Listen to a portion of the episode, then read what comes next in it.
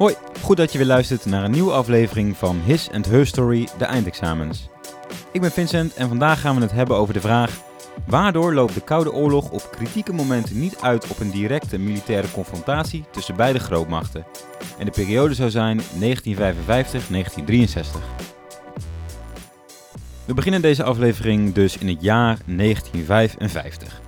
De eerste aflevering die over de Koude Oorlog ging, zijn we geëindigd um, met dit jaar. En de havisten die gisteren niet hoefden te luisteren, doen dat vandaag weer wel. Dus daarmee uh, gaan we gewoon verder.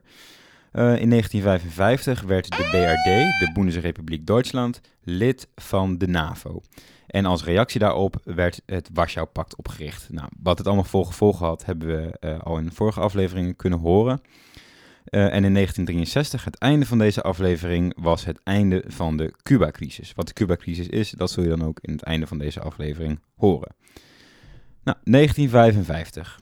In 1955 is er ja, een vorm van stabilisatie in de Koude Oorlog. Um, door dat toetreden van de BRD uh, bij de NAVO en de oprichting van het Warschau-pact als gevolg juist daarvan, komen de Sovjet-Unie en de Verenigde Staten in een, in een soort militair evenwicht, in een machtsevenwicht. Ze hebben allebei een aantal bondgenoten om zich heen verzameld. Uh, het wapenarsenaal wat ze hebben wordt steeds verder uitgebreid. Ze beschikken allebei over kernwapens, over atoomwapens. De Sovjet-Unie deed dat al sinds 1949, zoals we dat vorige aflevering hebben kunnen horen. En daardoor ja, ja, stabiliseert uh, die Koude Oorlog. Ze zijn wat ja, wat terughoudender in het aanvallen van elkaar. Omdat, ja, zoals jullie weten, die atoombom die heeft nogal verschrikkelijke gevolgen. Dus als er één uh, een atoombom zou gooien, dan kon de ander dat dus nu ook doen. En dan was het einde zoek en was er eigenlijk geen winnaar in, in, in zo'n oorlog. Nou, twee jaar daarvoor was de dood van Jozef Stalin. En dat moet je onthouden. De dood van Jozef Stalin was in 1953. En hij werd opgevolgd door Nikita Khrushchev. En dat was dus nu de nieuwe leider van de Sovjet-Unie. En Khrushchev die, die voerde een politiek van destalinisatie. Dus dat wil zeggen het, ja, het, het idee van Stalin onttrekken van die Sovjet-Unie. Want eigenlijk na Lenin, dus Stalin had Lenin opgev opgevolgd. Na Lenin had Stalin die Sovjet-Unie helemaal om zichzelf heen gebouwd. Hij was een centrale figuur in die Sovjet-Unie. En Khrushchev wilde daarvan af. En liet daarom bijvoorbeeld ook uh, beelden van Stalin uit de Sovjet-Unie verwijderen. Om zo ja, een beetje die, die gedachte aan hem, die uh, herinnering, om die te doen verdwijnen. Daarnaast pleitte hij voor een coexistentie, zoals dat wordt genoemd. Coexistentie, uh, dat is het samen naast elkaar bestaan, het samen bestaan. En daarmee bedoelde hij dus die twee machtsblokken. Dus aan de ene kant de Verenigde Staten met hun kapitalistische, democratische uh, manier van denken. En aan de andere kant de communistische manier van denken van de Sovjet-Unie. Hij vond dat deze twee machtsblokken, deze twee invloedssferen, niet per se met elkaar in gevecht moesten zijn, maar naast elkaar konden bestaan zolang ze elkaars normen en waarden zouden respecteren. Nou, dit, gaat een, uh, dit gaat een tijd goed. Uh, de strijd tussen deze twee landen verandert. Uh, ja, het verschuift een beetje van het uitvinden van nieuwe wapens naar een strijd in gebieden van sport, economie, ruimtevaart, economische cijfers. Maar in 1956 wordt daar roet in het eten gegooid. Namelijk in 1956 is de Hongaarse opstand en dit moet je gaan onthouden. Uh, veel Hongaren die zijn ontevreden met hoe het opgelegde bestuur vanuit Moskou hun land bestuurt. Je moet je voor je zien dat Hongarije was, um, was een staat die eigenlijk tussen uh, het, Westen, het Europese Westen lag en de Sovjet-Unie. Die Hongaarse opstand ja, die komt ook niet zomaar uit de lucht vallen. Mensen waren dus ontevreden over hoe, het ging in hun land.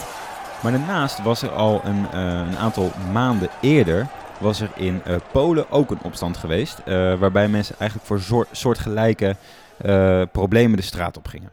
Dus de Hongaren die willen eigenlijk steun betuigen aan, aan hun Poolse buren.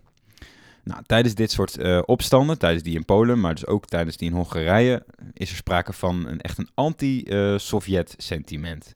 Dus er worden anti-Sovjet leuzen geroepen, Russen terug naar Rusland, weg met de overheersers, dat soort dingen. Ze eisen meer vrijheid en vertrek van alle Russische troepen uit Hongarije. En daardoor neemt de druk op de Hongaarse regering die neemt toe. De Hongaarse regering is weliswaar een, een, eigen regering, maar wordt zo goed als bestuurd door, door Moskou, dus door de Sovjet-Unie. Die Hongaarse regering is daar neergezet door de Sovjet-Unie. En daarom treedt de Hongaarse regering treedt af. Mede door de druk van die opstandelingen die die regering eigenlijk het land uit uh, forceren. Dan treedt er een nieuwe regering aan, uh, onder leiding van, van een van die opstandelingen. En die nieuwe regering die treedt uit het Warschau-pact, dus uit dat bondgenootschap van landen rondom de Sovjet-Unie. En met het treden uit het Warschau-pact verklaart Hongarije zich neutraal. Ze zien zichzelf tussen het Westen en het Oosten in. Um, dit kan uh, de Sovjet-Unie echter niet over zijn kant laten gaan. Uh, eh, 13 dagen later valt het leger van de Sovjet-Unie, valt Hongarije binnen en slaat de opstand neer en herstelt eigenlijk de, de, de oude regering die daar eerst zat.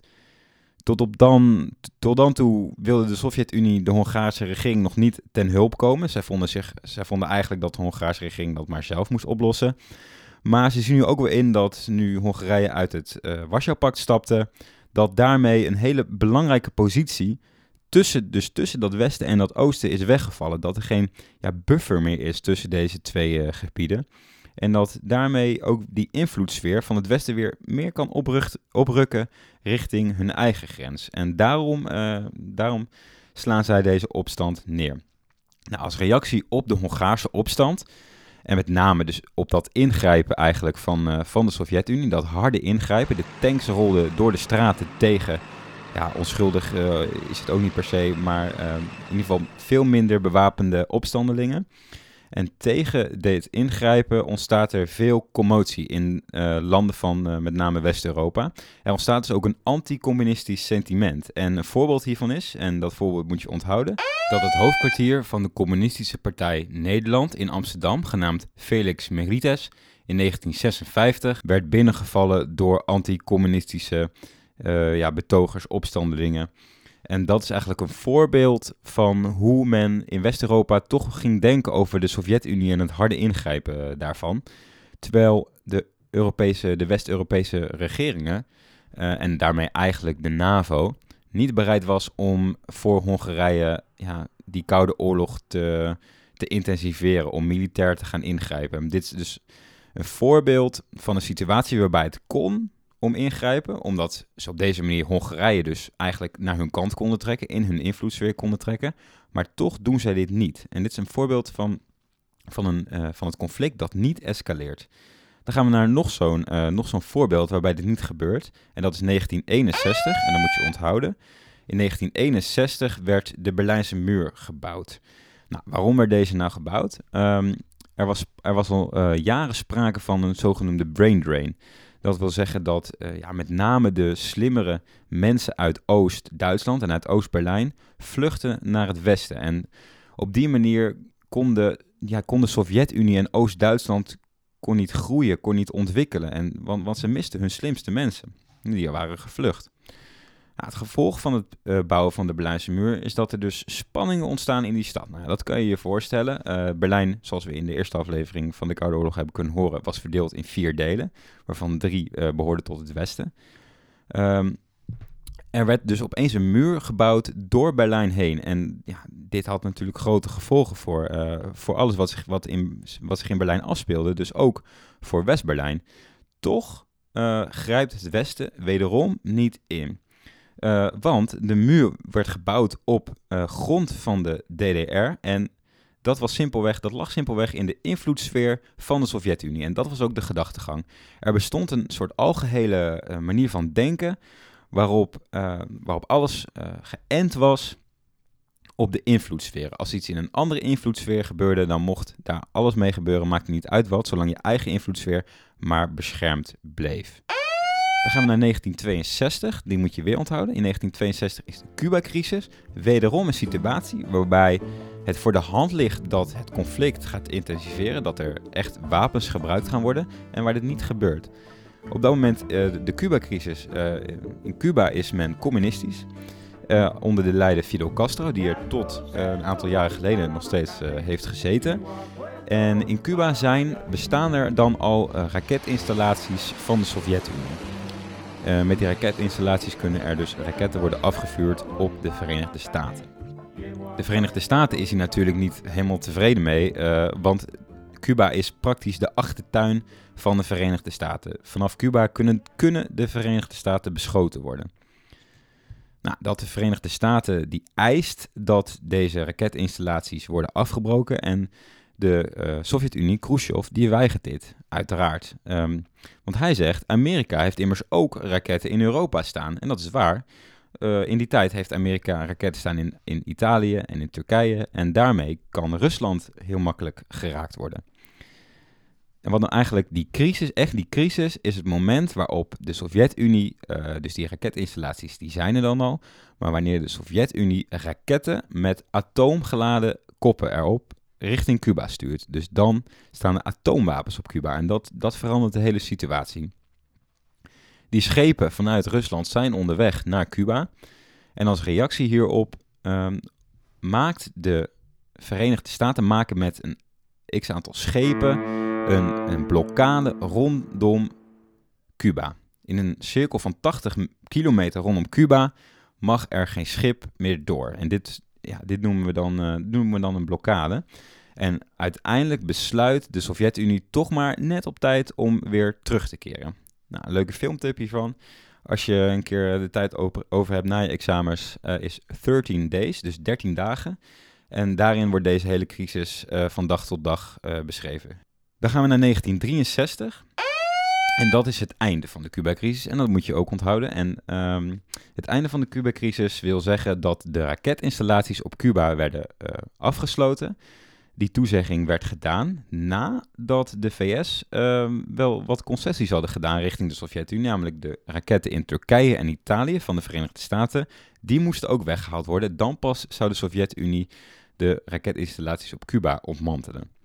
En als tweede werd er afgesproken dat de Verenigde Staten vanaf dan het zelfbeschikkingsrecht van Cuba zouden respecteren. Dus dat wil zeggen dat Cuba op hun grondgebied mocht doen wat zij wilden. En daarmee zijn we alweer aan het einde gekomen van deze aflevering. Maar we eindigen niet voordat we hebben stilgestaan bij een ander voorbeeld. Namelijk op 26 juni 1963 staat president Kennedy van de Verenigde Staten in Berlijn en houdt hij daar een toespraak die later bekend zou zijn als de Ich bin ein Berliner toespraak. En in die toespraak zegt hij het volgende. Has many difficulties. And democracy is not perfect. But we have never had to put a wall up to keep our people in, to prevent them from leaving us. All, all free men, wherever they may live, are citizens of Berlin. And therefore, as a free man, I take pride in the word, Ich bin ein Berliner. Deze woorden hadden zoveel historische lading, omdat het aangaf dat de Verenigde Staten altijd achter West-Duitsland en achter West-Berlijn zouden blijven staan. In de voorbeelden die we hiervoor hebben genoemd, is al duidelijk geworden dat er dus al drie situaties waren waarin het voor de hand lag om de militaire confrontatie aan te gaan, maar waarin dit niet gebeurde. En met name die Hongaarse opstand, wanneer um, de Sovjet-Unie die Hongaren, die eigenlijk van de Sovjet-Unie af wilden, uh, aanviel, deed het Westen niets. En eh, president Kennedy wil hiermee zeggen dat mocht zoiets in West-Berlijn gebeuren, want ja, Oost-Berlijn lag immers uh, er tegenaan, dan zou de NAVO wel ingrijpen en ze zouden altijd als één man achter uh, hun staan. In de volgende aflevering hebben we het over de laatste periode van de Koude Oorlog en dan beantwoorden we de vraag waardoor nemen de spanningen tussen Oost en West af tussen 1963 en 1991. Wanneer je nu denkt, nou hier heb ik echt heel veel aan voor het leren voor mijn eindexamen, vertel het dan ook vooral door aan andere mensen die ook eindexamen doen, zodat die ook hiervan gebruik kunnen maken. En like ook even op Instagram, dat vinden we ook super fijn. En we hopen dat je de volgende aflevering weer naar ons luistert. Tot dan!